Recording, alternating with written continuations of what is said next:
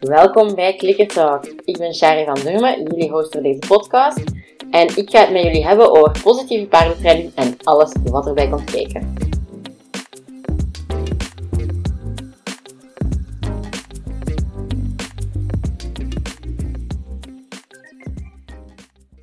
Dan gaan we eraan beginnen, hè, want ik, ik zit dus buiten vandaag, omdat het zo mooi weer is. Ehm, dat zorgt dus ook voor achtergrondgeluid. Ja. Um, Kay gaat er vandaag niet bij zijn, omdat zij ja, een beetje op, het werk vast zat. Um, dus het is alleen met mij te doen vandaag. En we gaan het dus hebben... Oh, daar gaat mijn camera dus al. Dus het is alleen met mij te doen, maar um, ging kijken omdat ze er toch nog kon aansluiten. Maar dat zal dus nog afwachten worden. En we gaan het dus hebben over bewegingsmotivatie. Het was een hele close call in de stemmen. Zowel bij mij als bij Kay was het eigenlijk heel nipt. Maar het was toch, zowel bij haar als bij mij, dus net de bewegingsmotivatie die won. Maar er heeft dus ook wel iemand gezegd van ja, misschien moet je er gewoon twee lives van maken. En misschien moet je dat ook wel gewoon doen. En we het dan ook een andere keer hebben over de angst en klikkertraining. Hoe dat we dat daarmee kunnen aanpakken. Maar dus vandaag is het bewegingsmotivatie.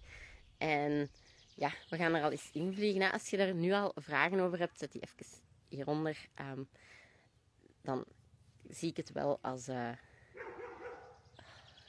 dan zie ik het wel als, ik, als het verschijnt. Um, dus, beweging. Ah, ik zal dat misschien ook nog even toevoegen. Bewegingsmotivatie.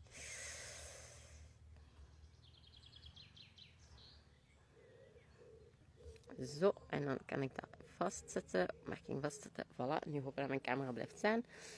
En het is alleen Saar nu. Hoi Saar. Denk ik. Ja. Oké. Ik zou wel een koffiekletsje willen doen, Saar, maar het gaat ook op IGTV komen. Dus ik ga gewoon verder uitleggen. Als dat oké is. Um, dus bewegingsmotivatie en ja, dan vooral over hoe dat je dat kunt gaan ja, trainen, zeg maar. Of hoe dat je kunt zorgen voor meer bewegingsmotivatie. Um, Pauline is er ook. Um, dus hoe dat je kunt zorgen voor meer bewegingsmotivatie. Want als er zo weinig bewegingsmotivatie is, ja, dan zou ik kunnen zeggen dat ik paard gewoon lui is. Maar als je me al even volgt, dan weet je waarschijnlijk dat dat iets is waar ik niet zo achter sta. Achter zeggen dan paard lui is. Want dan zet je de deur open om eigenlijk gewoon te zeggen, ja, kom, is gewoon lui. En lui is iets wat we niet willen zien in onze samenleving. Dus wat we ook niet willen zien bij onze paarden. Um, dus we gaan dat eerder gewoon afstraffen. Maar wat er heel belangrijk is, als je paard niet graag beweegt, is eigenlijk om te gaan kijken van, ja, van waar komt dat eigenlijk. Hè? Dus ik heb het al een paar keer gehad over de ABC's van training. Dus we hebben A, de antecedents, B, behavior en C, consequence. En ja, het eerste is dus gaan kijken naar, ja, waarom doet uw paard dat? Misschien heeft hij al ergens pijn, of misschien is het, zoals vandaag, misschien is het wel gewoon te warm geweest.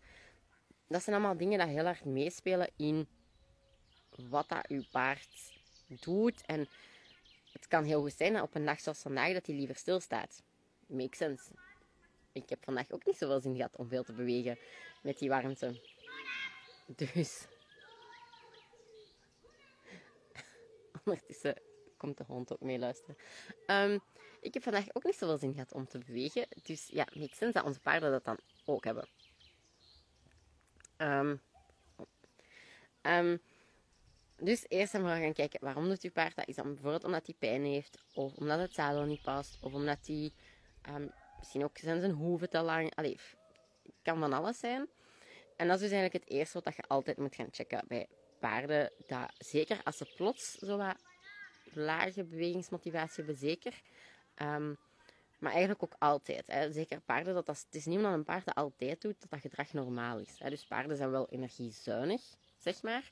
Um, dus die gaan altijd wel proberen om energie wat te sparen, omdat dat voor hun, ja, vanuit hun, biologie gezien, niet logisch is om al hun energie te gaan verbruiken, want ze moeten altijd klaarstaan voor als er een roofdier komt.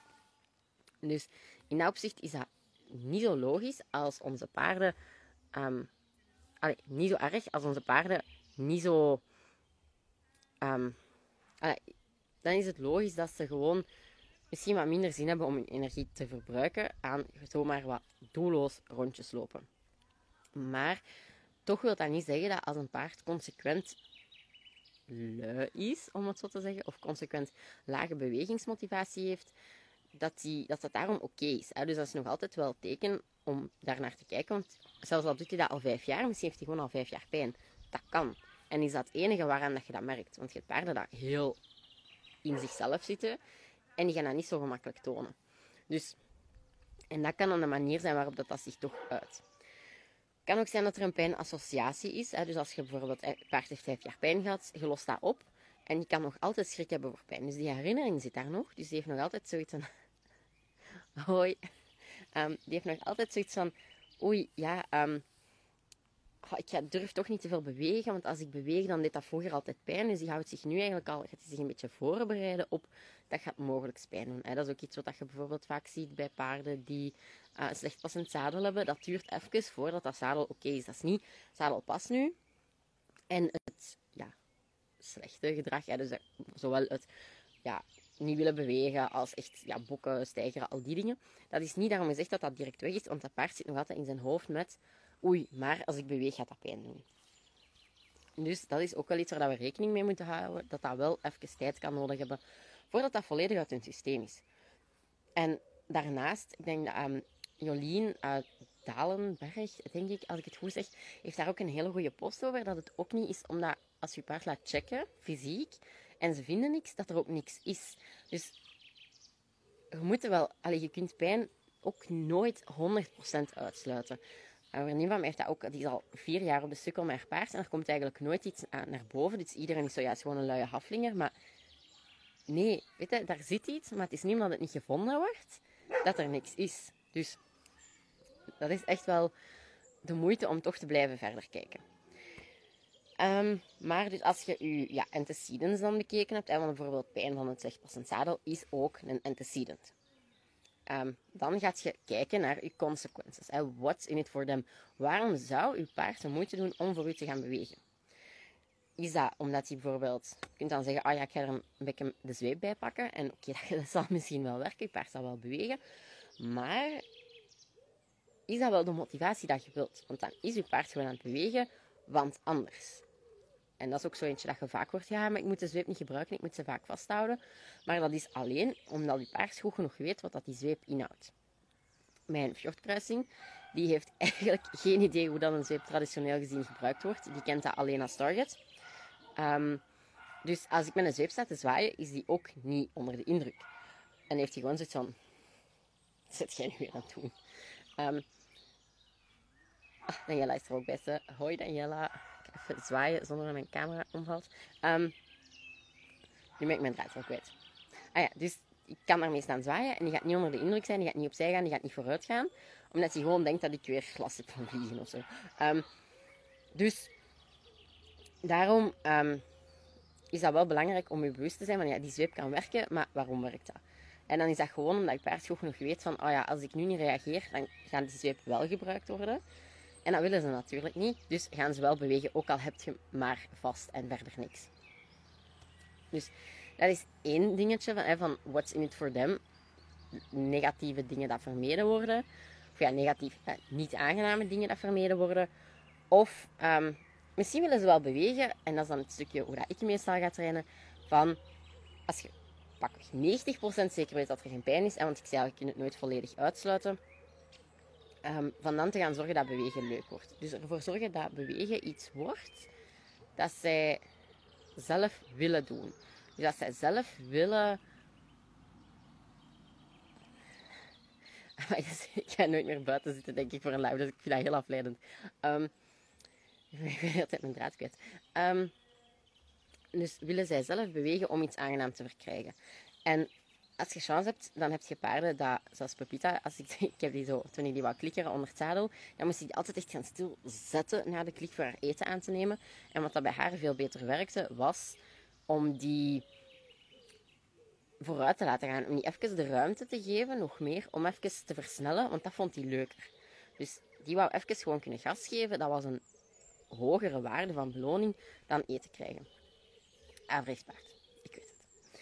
Ehm, dus het is sowieso ook wel kijken naar wat is een beloning voor uw paard. Maar ehm, ja, het is ook gewoon zien van hoe gaat je dan die beweging verkrijgen. Want je kunt wel zeggen, oh ja, ik ga belonen als die vooruit gaat, maar ik ga wel even goed met mijn benen slaan en zwepen en sporen en weet ik veel wat. Ja, is uw paard dan aan het bewegen omdat hij iets leuk wilt verkrijgen? Of is hij voornamelijk aan het bewegen omdat hij die sporen en dat been en al die dingen wilt vermijden? Dus dat is ook wel iets om u heel bewust van te zijn. Van waarom doet hij dat nu eigenlijk? En het is dus heel belangrijk om je paard te gaan opzetten voor succes, zodat je niet naar die hulpmiddelen moet grijpen. Want dat is ook iets waar we het vorige week over gehad hebben. Van het is bij rijden met de klikker, want het is heel moeilijk eigenlijk om... Dat is iets waar veel mensen moeite mee hebben, om zich dat voor te stellen, dat rijden met de klikker. Gewoon omdat je dat niet ziet en je weet dus eigenlijk niet goed van hoe moet ik mijn paard dan gaan opzetten voor succes. En dat is eigenlijk een beetje de moeilijkheid, zeg maar. Um, omdat je dus moet, ja, omdat je moet gaan zien van hoe ga ik dan bijvoorbeeld die draf uit mijn paard krijgen. Want ik ga niet met zwepen beginnen zwaaien, ik ga niet beginnen met harde benen geven, ik ga niet, ik weet niet wat allemaal doen. Dus wat ga ik dan wel doen? En hoe dat, ik heb een Fries gehad, die dat nu ondertussen um, ja, twee jaar en een half geleden gestorven is. En dat was, toen hij bij ons kwam, was dat een heel traag paard. En die kon heel veel oefeningen. Dus die kon echt zo de galopwissels en de chique dressuuroefeningen en weet ik veel wat. Maar gewoon simpel op het benen reageren kon hij niet. Want die werd altijd met sporen gereden, maar niet met sporen op ja, de goede, tussen aanhalingstekens manier van um, waar dat benen geven, dus voor de verfijning. En waar dat je dus nog altijd benen geeft met je been. Maar bij hem werd er dus benen gegeven met het spoor. En dat is dus niet zo ideaal. Want dat heeft ervoor gezorgd dat hij dus niet meer op het been reageerde. En daar kwam dan iemand rijden met hem en die had ook een vries. En die was dan zo, ja, maar je moet daar gewoon sporen op aan doen. En ik zei, nee, ik wil dat niet. Hè. Ik ben daar, niet, ben helemaal geen fan van. Ja, maar dat gaat helpen, dat gaat helpen. Maar ik heb er in een auto liggen. En die bleef zo maar wat pushen van, oh, zou je die toch niet gewoon sporen? Hè? Zou ik toch niet gewoon sporen aandoen? Dan gaat hij wel vooruit gaan. En dat is voor mij zo'n beetje de insteek geweest om te beginnen rijden met de klikker ook. Want toen op dat moment deed ik dat niet. Dus ik was wel al tegen sporen en zo. Maar ik werkte wel in het rijden nog met negatieve bekrachting. Heel ja, licht opbouwend wel. Hè. Dus ik ging niet zo ineens zo tjak mijn benen erin zetten. Maar ik gebruikte wel nog negatieve bekrachting. En op dat moment heb ik gezegd van... Dat is een beetje de... Um, een in mij dan. Um, heb ik gezegd van kijk, ik ga dat bewijzen dat dat zonder sporen kan. En ik ga bewijzen dat dat zelfs kan zonder de druk te gaan verhogen. En dan heb ik de klikker erbij genomen. En dan was het probleem, oké, maar hoe ga ik hem nu in draf zetten? Want ik ga dus belonen voor draf. Maar wat als hij niet draft, wat ga ik dan doen? En daar ben ik dus eerst op de grond begonnen, want die volgde mij overal. Maar als ik begon te lopen, dan kwam die ook wel mee, maar dan was dat zo in een slakke stapje. Zo. En dan zo, ja, loop maar, ik kom wel. Mijn tempo. Um, dus die ging ook niet versnellen in stap of. Die kwam er heel traag mee. En dat kwam wel mee, dat was goed. Um, maar wat ik toen ben beginnen doen, was eigenlijk... Um, want hebt, ieder paard heeft zijn basistempo. En wat ik eigenlijk ben gaan doen, is... Je hebt zijn basistempo. En ik ben in, onder zijn tempo gaan stappen. Dus ik ben onder tempo gaan stappen. En ik ben onder tempo gaan zeggen van... Kijk, um, we gaan nu heel traag stappen. En dan volgde hij mijn tempo. En wat ik dan heb gedaan, is ik ben terug naar zijn basistempo gegaan. En ik heb daarvoor geklikt. En dat beloont. Want wat is uiteindelijk... Want wat is uiteindelijk... Um, ja, uw overgang naar draf is heel simplistisch gesteld. Gewoon een versnelling. Dus de versnelling dat hij wel makkelijk deed, was van een hele trage stap naar zijn basistempo. En dat ben ik gaan belonen, want een versnelling is een versnelling. Good enough. En dus dat is het stukje opzetten voor succes. Je gaat kijken naar de minste, minste, minste, kleinste stap dat je kunt zetten in de juiste richting. Dat gaat je belonen. Dus in mijn geval was dat van ondertempo naar optempo gaan. Oh, ondertussen mijn voorbereiding vliegen. Um, van ondertempo naar optempo gaan. Even een boek opleggen. Um, en Ah, zie nu ik mijn draad weer helemaal kwijt, hè? echt. Life in my head, it's so fun. Um, dus, En daarna kon ik van zijn basistempo naar een hoger tempo stap. Dus nog niet naar draf, maar ik kon wel een versnelling hoger gaan binnenstap. Dan ben ik dat gaan belonen. En dan kon ik na een tijdje, als ik ging lopen, begon hij te draven. En dan heb ik dat mini stukje draf, dat ene pasje heb ik dan geklikt en beloond. Er is wat wind aan het opkomen. Ik hoop dat mijn gsm niet gaat omvallen. Het is staat niet zo stabiel. Um, dus dat is eigenlijk hoe ik dat bij hem heb aangepakt. Want een andere manier dat heel vaak gebruikt wordt, is ja, met de target gaan werken en reverse round pen. En dat werkt kei goed, maar bij hem werkte dat niet. Want ook als ik hem de target wou laten volgen, dan bleef hij nog altijd heel traag stappen. En dan was hij nog altijd zo, oh ja, ik kom wel op het gemakske. Ah, nog iemand die meekijkt. Uh, welkom, welkom. Uh, we hebben het dus over bewegingsmotivatie. Um, en dat werkte voor hem dus niet. Maar voor heel veel paarden werkt dat wel. Nu, wat is er heel belangrijk als je gaat werken met de target en de target volgen? Is dat je je focus niet legt op dat hij de target aanraakt, maar dat hij de target um, volgt. Echt gewoon. Want je target wordt eigenlijk ook een hele sterke bekrachtiger op zich, want dat is basically een garantie op een beloning. Dus, wat gaat je paard doen als hij de target ziet en die gaat telkens verder en verder en verder weg? Dat is super frustrerend. Dus, ja, dat willen we vermijden, want we willen het bewegen leuk gaan maken. Dus dan gaan we het niet frustrerend maken door die target altijd maar verder en verder en verder weg te halen. Mijn onkel kijkt ook mee. um, hoi. Um, dus we gaan niet die target altijd verder en verder weg gaan halen. maar we gaan dus echt belonen voor die intentie van de beweging. Dus als die ene stap in de richting ervan zit, daarop gaan we belonen. Um, en dat is een hele belangrijke om dus die frustratie te voorkomen. En dat is iets wat ik geregeld mis zie gaan. Um, maar eigenlijk is het dus niet... Eigenlijk is het dus niet zo ingewikkeld. Je moet gewoon zien dat je echt gaat kijken van wat is mijn doel. En je doel met de target volgen is eigenlijk niet dat hij de target aanraakt. Je doel met die target erbij te pakken is dat die gaat bewegen. Dus moet je ook beweging gaan belonen en niet die target aanraken. Um, en wat dat ook belangrijk is, in mijn ogen, uh, daarbij, nu, als jullie comments hebben, opmerkingen, vragen, zet ze in de comments. Um, dan ga ik erop proberen antwoorden. Um, buiten zit was zo'n goed idee. Um, ah ja, voilà, zie. Dat is inderdaad iets. Ik heb dat ook waarschijnlijk fout gedaan in het begin. Ik weet het zelfs niet meer, ondertussen al zo lang geleden.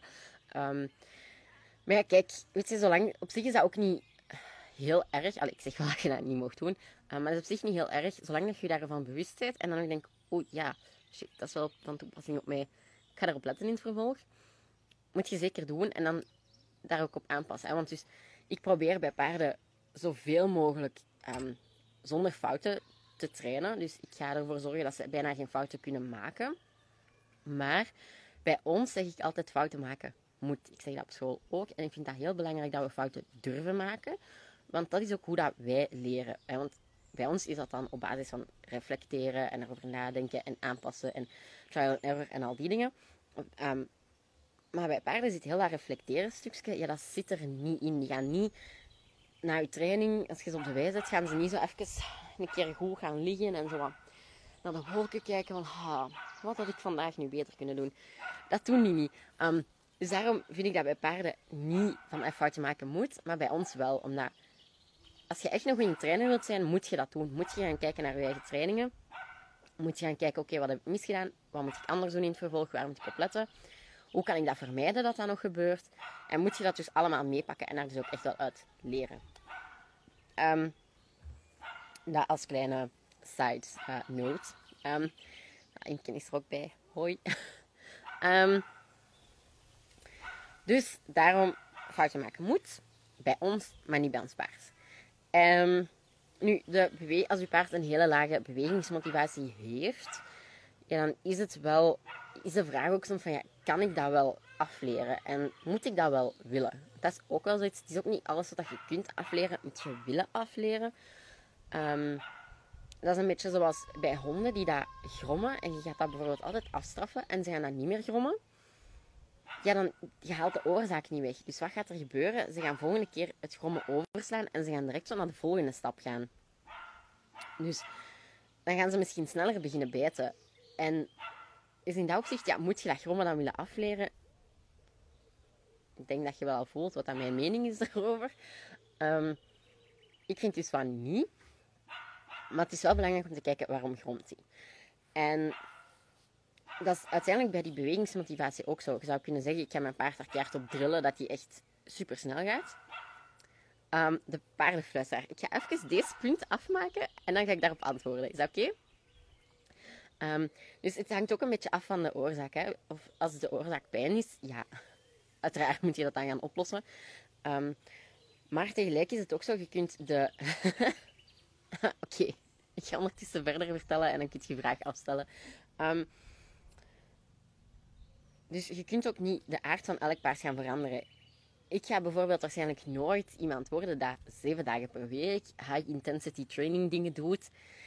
De kans is klein dat, dat iets voor mij is. Um, en zo zijn er ook paarden, zoals de Fries, um, de andere Fries waar ik het daarnet al over had. Um, die vrouw reed dus op mijn sporen. Maar ik heb ook heel veel gezien, want we hebben daar paarden bij op stal gestaan, hoe dat die dat door elke instructrice dat zij had maar gehamerd werd op vooruit en sneller en dit en dat. En dan denk ik, ja maar waarom? Want dat was voornamelijk omdat wij dat beeld hebben van een basisgang hoort sneller te zijn. Maar in mijn ogen was dat paard haar gang gewoon best traag. Had hij gewoon een, basis, een trage basisgang. Maar wij kunnen dat niet accepteren, omdat dat niet in ons ideaalplaatje van een goede gang zit. En dan denk ik van ja, je kunt dus ook niet alles um, gaan, ja, hoe moet ik het zeggen? Je kunt, en je kunt dat dan misschien wel gaan trainen, hè, want je kunt dan um, ja, met je sporen en zo, en dan ging je inderdaad wel vooruit. Maar dat is ook gewoon niet de. Wat dat voor mij dan is dat niet belangrijk om dan dat paard meer vooruit te krijgen, maar misschien eerder gaan kijken van oké, hoe kan ik dan haar tempo, haar basistempo, gaan laten matchen met mijn doelen en wat dat ik wil doen. En dat vind ik wel een hele belangrijke, want elk paard heeft ook gewoon zijn eigenheid en zijn eigen tempo in dit geval. Dus ja, je kunt dat dan ook niet per se gaan veranderen. Je kunt dan misschien wel altijd consequent je paard gaan vragen om sneller te lopen, maar dat wil niet zeggen dat dat basistempo daarom echt gaat veranderen of oprecht gaat veranderen. Dus in dat opzicht, ja, is dat natuurlijk wel een dingetje. Nu, Kay heeft net nog gestuurd dat ik jullie de groetjes moet doen. En wacht, ik ga even kijken wat er nog allemaal stond. Um, ze staat nog in het verkeer. Dus ik weet niet of dat ze het gaat halen. Het is ondertussen 25, dus u weet haalt ze het nog wel. Um, dus in dat opzicht is zo lage bewegingsmotivatie op te lossen. Hangt er dus vanaf wat de oorzaak is. Hè. Heb jij de indruk dat er weinig bewegingsmotivatie is omdat je paard gewoon een trage basisgang heeft? Is dat omdat er pijn is? Is dat omdat bewegen gewoon niet leuk is? Omdat hij een afkeer heeft gekregen van het rijden, eh, als alleen het rijden is, doordat het altijd heel aversieve training geweest is. Ja, dus het hangt er een beetje vanaf, om dat stukje. En dan ga ik nu op de vraag gaan, ingaan. Wacht, mijn mening over een paardenfluisteraar slash energetische sessie. Ben aan het twijfelen, ging het eigenlijk doen, maar veel mensen hebben me verteld dat het fake is.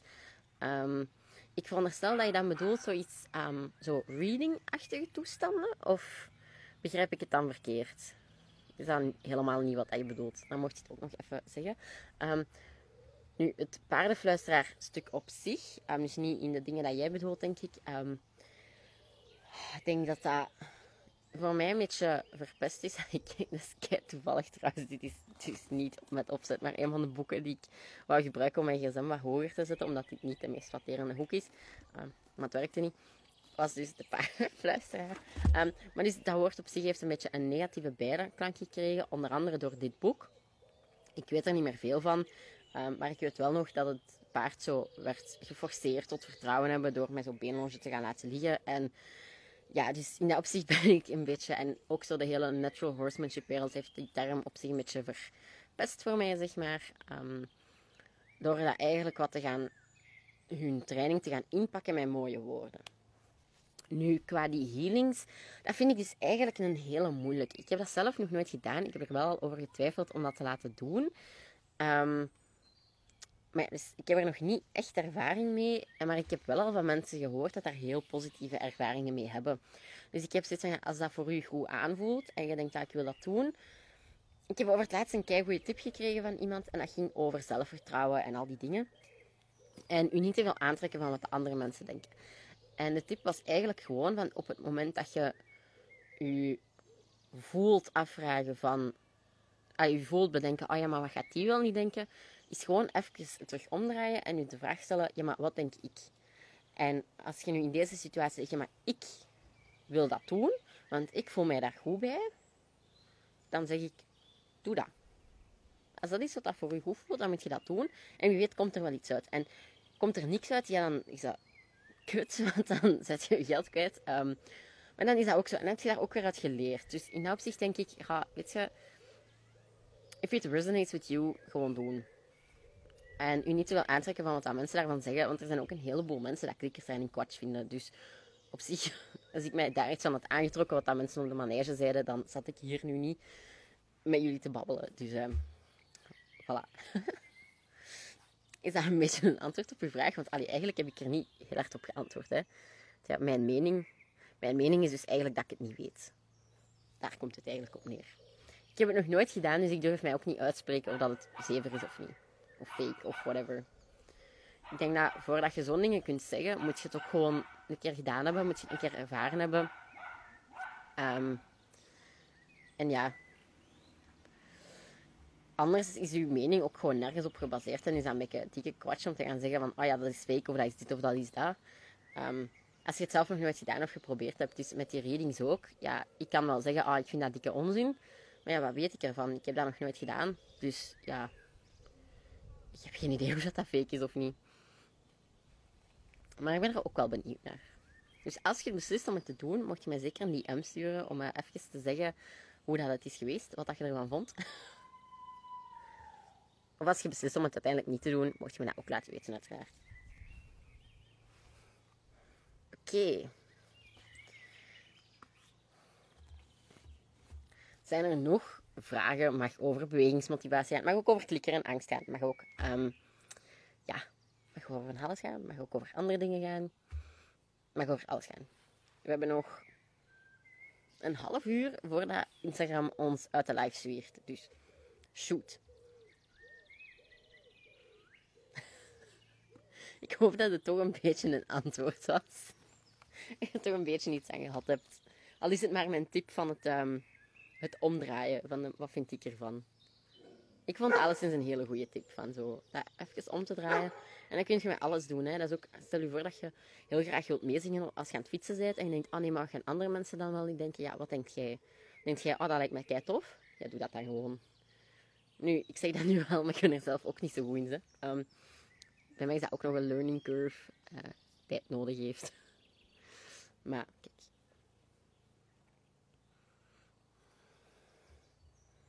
Oh, nog iemand die meekijkt. Ze.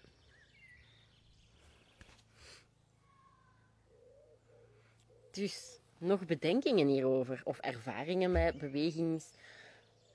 Allee, paren met een lage bewegingsmotivatie? Mocht je mij ook altijd laten weten. Goeie boeken. Mm. Um, ik heb daar een tijdje geleden heb ik er ook wat stories over gemaakt. Misschien moet ik die eens in highlight zetten. Uh, nu ze liggen allemaal boven, helaas. Um, maar sowieso het boek van Connection Training uh, vind ik een hele goeie. Die is heel praktijkgericht. Dus daar, daar zit ook wel wat, wat, achtergrondinformatie over. Maar heel veel informatie over klikkertraining en positieve bekrachtiging is altijd heel theoretisch gericht. Um, en dat is echt wel een boek dat u zo wat stappenplannen geeft. Dat je echt zegt van kijk, zo kunt je trainingen aanpassen, zowel onder het zadel als trailerladen, als echt heel veel. Uh, praktische informatie zit daarin. En die praktische informatie kun je dan ook zelf wel weer gaan toepassen op andere oefeningen. Dus, ah, Elise kijkt ook missen. Um, dus die informatie kun je dan zelf wel wat gaan ombuigen tot iets wat dat wel... Um, nou, nog iemand die meekijkt. Um, tot iets wat dat wel bij de oefening past dat jij wilt leren. Uh, maar in het algemeen vind ik dat een hele goede boek. En daarnaast ook de kalmerende signalen van... ehm, nu, die van Connection Training is alleen in het Engels beschikbaar, voor zover ik weet. Ehm, en dan kalmerende signalen is zowel in het Engels als in het Nederlands beschikbaar. Dat vind ik ook een heel goed boek. En ja, die gaat eigenlijk zo'n beetje in op de lichaamstaal, de verschillende, ehm, de verschillende ja, kalmerende situaties, dingen, zeg maar. Ehm ah, 10 euro voor welk e-book van de kalmerende signalen? Dat had ik eerder moeten weten voordat ik hem in papier kocht. Ehm, oh, nog iemand die meekijkt, is super tof. Ehm, maar dus, de kalmerende signalen vind ik ook een hele goeie. Ehm, en dan is er nog een derde boek dat echt zo'n beetje mijn, een van mijn topfavorieten is. Maar ik, heb het over boeken en ineens komen er allemaal mensen bij. Is Denkwerk van Inge Teblik. Ehm, vind ik een hele goeie, omdat die... Ah, de Connection Training. Oh, dat wist ik ook niet. Ah, wel, zeker de moeite dus. eh, om die eens te gaan bekijken op e-book. Ehm,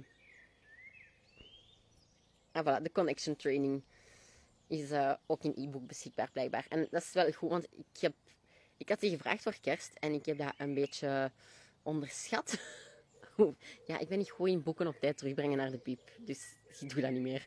Ehm, ik had die een beetje onderschat. Die, dat is echt, allee, dat is echt een studiegids, hè, die ik al meer, eh, die eh, Connection Training, dat is echt een super dik boek. Dan ook zo echt nog eens, i- ehm, ja, niet, niet dit formaat, maar echt wel zo groot. Ehm, dus dat kan wel handig zijn om die dan in e-book versie te kopen. Of inderdaad, hij gaat ook altijd eens langs. Bij de, bij de vind je misschien inderdaad ook wel andere, vind je ook wel andere dingen, andere boeken die dat goed aansluiten bij wat dat je doet. Ehm, dat zijn zo'n beetje mijn, dus mijn drie topboeken. De Connection Training, Camera Signalen en Denkwerk. En dan een vierde boek dat ik ook wel goed vind, is het boek van Shauna Karash. Maar ik moet wel zeggen, toen ik dat de eerste keer las, was ik helemaal zo mindblown. En ik was, ja, dat is keigoed, dit, dat. Maar momenteel sta ik er iets minder achter. Ehm, het is nog altijd een goed boek. Maar sommige technieken, het is ook een heel praktijkgericht boek, maar sommige technieken sta ik niet helemaal achter. Ehm, ja, Connection Training raad ik wel aan. 100%. Ehm, maar het boek van Shauna Karaj, daar zit ook vrij veel, eh, ja, wel vrij veel. Zij gebruikt ook geregeld negatieve straf. Ehm, dus als het paard bijvoorbeeld iets doet wat je niet doet, gaat je even wegdraaien en een time-out geven. Maar bijvoorbeeld ook als je zelf fout hebt geklikt, gaat ze ook een time-out geven. Dat zijn dingen dat bij mij dus niet 100% aansluiten bij hoe dat ik wil trainen. Maar dat is het voordeel uit zo'n boek. Je pakt mee wat dat je wilt meepakken. En andere dingen laat je liggen. Ehm, moet je, je moet daar ook niks mee doen, hè, wat dat je in zo'n boek leest. Dus die kan ik ook wel aanraden, maar die is ook alleen in het Engels beschikbaar, denk ik. Ehm, en verder is het ook sowieso, als je gaat verder kijken naar bijvoorbeeld eh, boeken over hondentraining, zitten ook heel vaak goede boeken bij, omdat er in hondentraining gewoon al veel meer gedaan is met positieve bekrachtiging. Dus in dat opzicht is een keer gaan kijken in de bib bijvoorbeeld. Dat doe ik dan ook altijd. Als Saskia is er ook bij. Hoi. Ehm, dat doe ik bijvoorbeeld in de bib. Als ik dan wel eens naar de bib ga. ehm dan is ook niet dat ik dat nooit doe, hè, maar het is gewoon niet helemaal voor mij. Ehm, dan ga ik ook altijd eens bij de hondenboeken kijken. Want daar zit eigenlijk, zeker qua positieve bekrachtiging, veel meer waardevolle informatie in die boeken dan in, ehm, bij de paardenboeken vaak. Ah ja, ik heb inderdaad ook zo'n heel goed boek. Ah, die staat volgens mij wel nog ah, beneden over biomechanica. Ik ja, was al helemaal vergeten als ik die had. Ehm, en vind ik ook wel een hele goeie. Ehm, en dat dan ah, eigenlijk voor mij alle paardenboeken dat al niet trainingsgerelateerd zijn, vind ik meestal wel goed. Eh, tenzij dat ze ook afkomen met dominantie, nonsens en zo. Ehm, dat is een ander verhaal. Maar ja, qua ja, training, echt praktijkgericht zijn, is het ook niet altijd simpel om dingen te vinden dat aansluiten bij wat je doet als je met positieve bekrachtiging werkt. Dus dat is wel een beetje jammer, maar ja, er is niet zoveel aan te doen. Hè. Nu, als jullie ook nog eh, boeken hebben, ga dan zeker, zoals Paulien zegt, comment die dan even. Ehm, ik, heb ook, ik leer ook altijd heel graag leuke boeken kennen. Eh, een ander leuk boek is ook ehm, Zijn we slim genoeg om te weten hoe slim dieren zijn? En dus dat is geen trainingsgericht boek, maar dat is zo eerder een beetje een, nadenk, allee, een nadenkboek in de zin van, ja, we gaan reflecteren. En allee, ook zo niet op paarden gericht, maar echt op alle dieren gericht. En dat is vooral een goeie om je zo wat aan het nadenken te zetten. Dus het is niet dat je daar heel veel gaat uithalen om rechtstreeks mee te pakken in je training, maar wel onrechtstreeks gaat dat je wel wat inzichten geven die, dat, die dat je daarna wel kunt gaan ombuigen naar praktische dingen voor je training. Als ik dit als podcast ga zetten, gaat dat echt een pitch worden om te editen, vrees ik.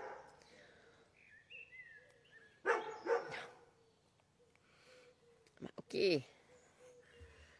Nog boeken, nog vragen. Shoot. Het is nu 37, dus we hebben nog wel even. Dan sluit ik ook gewoon af. Hè. Zoals je zegt van kom ze alsjeblieft met praten, mocht je dat zeggen, dan stop ik gewoon.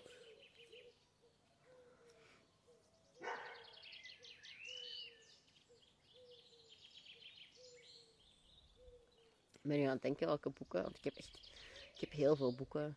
Don't Shoot the Dog um, is ook wel een leuke, maar voor zover ik weet ook alleen in het Engels uh, verkrijgbaar. Er zijn ook aan meerdere versies van. Um, welke boeken heb ik zo nog? Wat ik ook soms wel een leuke vind, is zo de 101 horsemanship oefeningen. Totaal niet voor de, de aanleerprotocollen uh, dat erin staan. Maar wel gewoon omdat dat wel tof kan zijn om zo eens uit je bubbel te komen van oefeningen dat je altijd doet. Er zijn zo'n boeken soms wel een goeie om zo eens even iets nieuws te gaan proberen. En ook eens te gaan nadenken van oké, hoe ga ik deze nu allemaal positief bekrachtigend aanpakken? Um, en hoe kan ik dit nu op een manier aanleren dat het wel 100% aangenaam is voor mijn paard? En in dat opzicht vind ik dat ook wel een goeie. Dus niet om letterlijk de stappenplannen te gaan uitvoeren, maar gewoon als inspiratie om zo'n beetje uit je veilige klikkerbubbel te komen, zeg maar. Um, vind ik dat wel een toffe. leuke ideeën voor hersenwerkspelletjes. Ah, daar komt binnenkort ook een podcast-aflevering van. Um, maar wat dat sowieso... Pauline vindt het goede tips. Oké, daar ben ik blij mee. Um, wat ik sowieso wel een leuke vind, is super lui. Gewoon echt zo wortels zo in het rond strooien. Dat is altijd een leuke voor ze wat te laten zoeken. Um, dat is niet echt hersenwerk, dat zijn wel zoekspelletjes, maar het is een beetje anders. Um, maar wat je bijvoorbeeld ook kunt doen, is sowieso als je ideeën nodig hebt, is gewoon op Pinterest. Hersenwerk. Oh, iemand had de podcast super leuk Oh, dat is kei leuk om te horen. Um, want ja, als ik die opneem, nu is er zo nog wat interactie, maar als ik die opneem, is dat altijd zo wel een beetje, tegen mijn computer een beetje alleen te praten. Um, het is altijd leuk om die feedback te krijgen. Um, wat was ik nu aan het zeggen? Ah ja, gewoon op Pinterest zo opzoeken hersenwerk voor honden.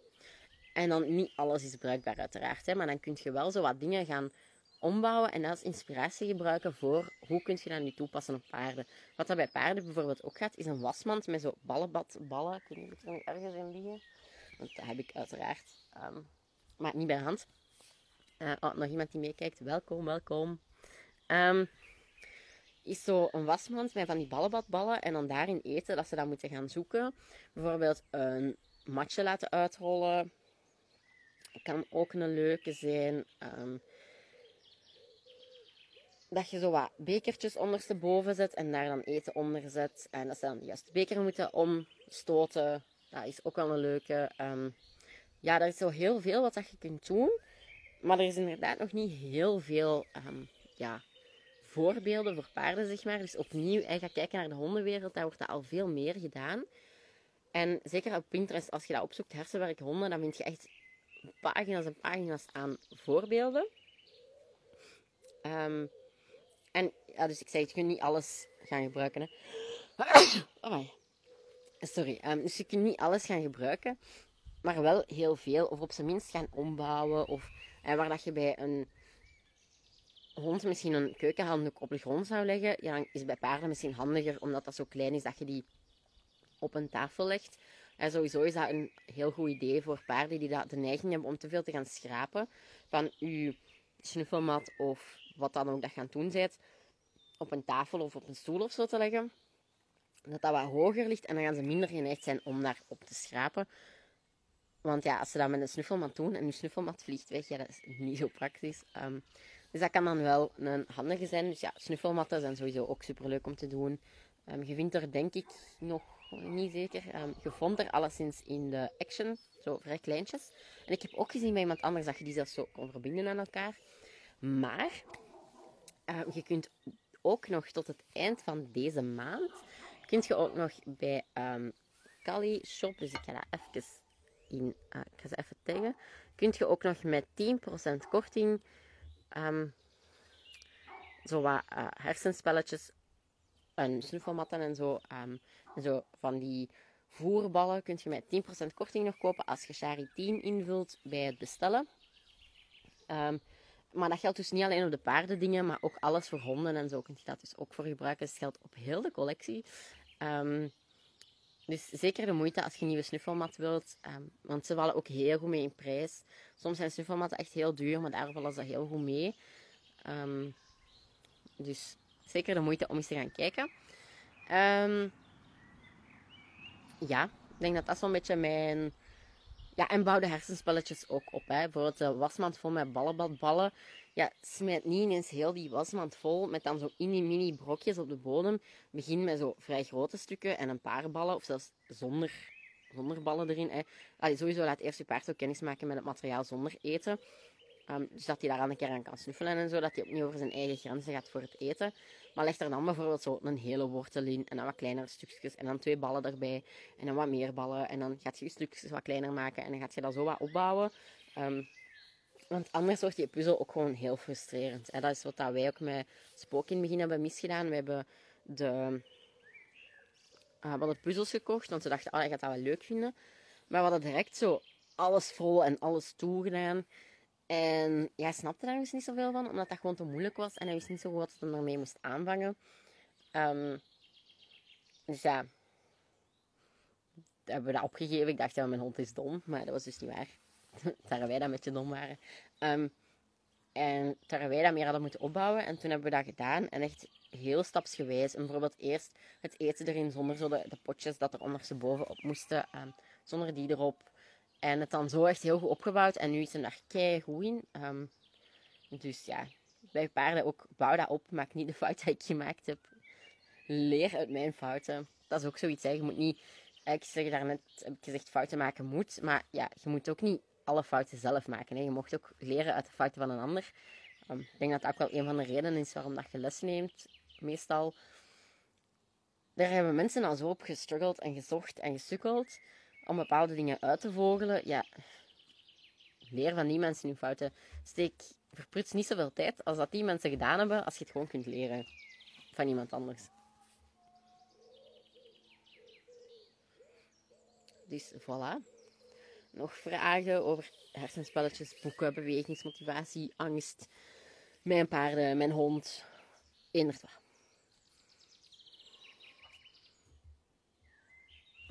We hebben nog een kwartiertje. En als er geen vragen meer zijn, mocht je ook even laten weten. Dan ga ik stilletjes afronden.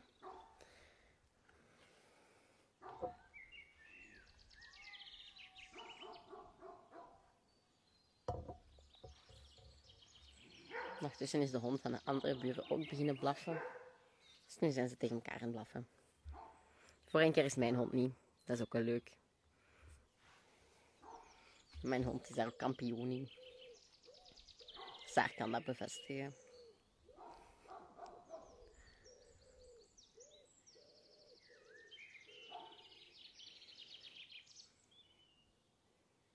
Kijk, ik ga even... Dus um, die lives dat we doen... Um, allee, vorige hebben we gedaan. Vandaag was dat ik alleen, maar dat is niet erg. Um, kan gebeuren natuurlijk. Uh, zijn dus in functie van het kamp, waarvoor dat je dus nog maar tot en met zondag kunt inschrijven aan de vroegbekorting. Ah, kijk of dat je er iets aan gehad hebt, uh, Paulien. Um, dus dat is voor het kamp en ik zal jullie even al tonen. Hier gaat het kamp dus doorgaan. Dus dat is in mijn tuin. De hangmat blijft ook staan. Dus de hangmat kun je ook inkruipen um, met het kamp.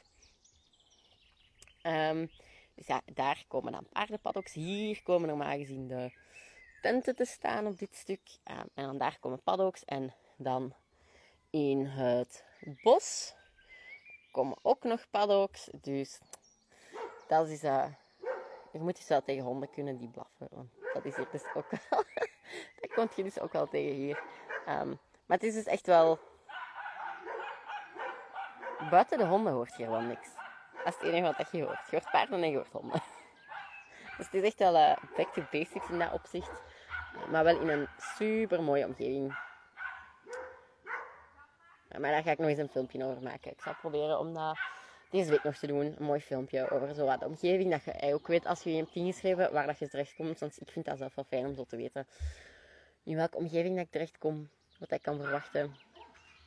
Um, maar dus je ziet ook met dat de paddocks onder andere daar en hier gaan zijn, gaan de paarden dus ook wel heel de dag schaduwen. Dat vond ik heel belangrijk. Um, zeker ja, juli, het kan alle kanten op gaan met weer. Dus ik vond dat wel belangrijk om toch dat er constant wel een plekje is om in de schaduw te staan. Dat vond ik heel belangrijk. Voilà. Dus dat is een sneak peek van de omgeving. Waar dat het gaat zijn. Normaal gezien staan paarden hier ook. Maar de wei is nu open. Die is even toe geweest. Dus nu vind ik het meer interessant. Ik heb ook hele mooie rozen momenteel. Kan ik mijn camera draaien? Hm. Waarschijnlijk wel, maar ik vind het niet. Je kunt, je kunt niet echt goed zien. Daar heb ik dus hele mooie rozen staan. Um, als je dus allemaal foto's bij kunt pakken en zo. Tijdens uh, het kamp. Ook als er nog vragen zijn, rap over het kamp, mocht je die ook laten weten, dan beantwoorden die ook met heel veel plezier. Um, je kunt dus ook nog tot zondag meedoen met de actie. Voor uh, een theorieplaats te winnen. Dus het is 300 euro in een vroegbekorting voor drie dagen al in met uw paard op kamp te komen. Met twee uur les per dag in kleine groepjes. En dan uh, de theorieplekken zijn 200 euro, maar tot en met zondag 175 euro. Ehm, maar als je meedoet met de winactie, kun je er dus ook eentje winnen. Uh, als je dat wel in, of je kunt die, ja, ter dat is dan ter waarde van 175 euro, maar je kunt die 175 euro dan ook gaan gebruiken als korting, zeg maar, op je praktijkplek. Dat gaat ook. We zijn flexibel. Oké, dan als er geen vragen meer zijn, ga ik afronden. Um, het was super leuk dat er toch wel mensen gekeken hebben. Het is toch eh, was spannend om. Dat denk ik de eerste keer ooit dat ik een live in mijn eentje gedaan heb. Dus dat was wel even spannend om te doen. Um, maar super leuk dat jullie dan zo lief zijn. Dat helpt. Ga ik het volgende keer niet zo spannend vinden als ik het alleen moet doen. Um, het kan zijn, maar dat heb ik eigenlijk nog niet te goed met Kay overlegd. Um, dat we zondag met de, het einde van de vroegboekkorting misschien ook nog even live gaan. Maar dat weten we nog niet zeker. Um, dat was tijdens de vorige live vorige week even geopperd. Um, maar misschien dat we dat dus nog doen. Misschien niet. Um, ga je zeker nog wel horen via onze stories. Of dat we dat gaan doen of niet. Dus voilà. Dan ga ik jullie laten op deze mooie woensdagavond. Ga zeker nog eens naar buiten. Het is echt zalig nu. Um, ik ga wel stilaan naar binnen, want de muggen beginnen op te komen. Dat is wel iets, als je meedoet aan het kampen, zeg ga muggenmelk meepakken. Um, voilà. Dat was het dan. Dus uh, tot ja, zondag misschien, of tot de volgende keer. Want voorlopig was deze de laatste live dat jij en ik zo samen gingen doen over een bepaald onderwerp. Dus ja, tot de volgende keer. Voordat we helemaal afronden, wil ik nog kort iets vertellen over het kamp dat ik organiseer samen met Kay van Honey the Agility Pony. En dat kamp dat gaat door van 19 juli tot en met 21 juli, maar je kan ook zondagavond 18 juli al toekomen. Voor de Lies, 21 juli is in België toch een feestdag, dus daar moet je al geen verlof voor pakken. Um, het kamp heeft niet echt een specifiek thema, want we gaan eigenlijk in hele kleine groepjes, telkens uh, in twee lessen per dag. Dus je krijgt twee keer per dag een uur les, in een groepje van maximum drie personen. En in die lessen kan je dus gaan werken aan wat dat je wilt. Maar we gaan een soort de groepen zodanig samenzetten dat iedereen ook wel... Um, ja, dat de groepen wat matchen. Dus iemand dat bijvoorbeeld dressuur wilt gaan rijden met de klikker en iemand dat net begint met agility, die gaan we dan wel een beetje apart zetten. Zodat het gewoon ja, overeenkomt. Dat je dus wel een beetje met het gelijkaardige uh, doel en gelijkaardige niveau samen zit in de les. Um, zo krijg je dus twee keer per dag les. De paarden staan op graspaddocks en daar is dus ook alles inbegrepen. Je moet geen hooi meepakken, je moet geen hooibrok meepakken. Wat je wel zelf moet meepakken, is je krachtvoer als je dat geeft. Omdat het is niet zo gezond voor paarden om heel de tijd te wisselen van voer. En ja, als ik dan 12 zakken moet gaan voorzien en ik zit daar dan achteraf mee, ja, dat is een beetje verspilling. Dus Vandaar is dat wel zelf mee te nemen. Voor jou is er ook alles inbegrepen. Dus je eten, je overnachting, moet je allemaal geen zorgen in maken. Dus het heet ook Click and Retreat. Dus het is echt gericht op bijleren en ontspannen. Nu, geen ontspannen met sauna en jacuzzi en zo, maar wel echt naar de natuur, naar de rust. Hier is zelfs amper verkeer. Dus het is echt wel back to basics. Um, je slaapt ook in een tent, maar er is wel een wc, er is wel een badkamer, vind ik heel belangrijk. Dus qua hygiëne en zo moet je geen zorgen maken.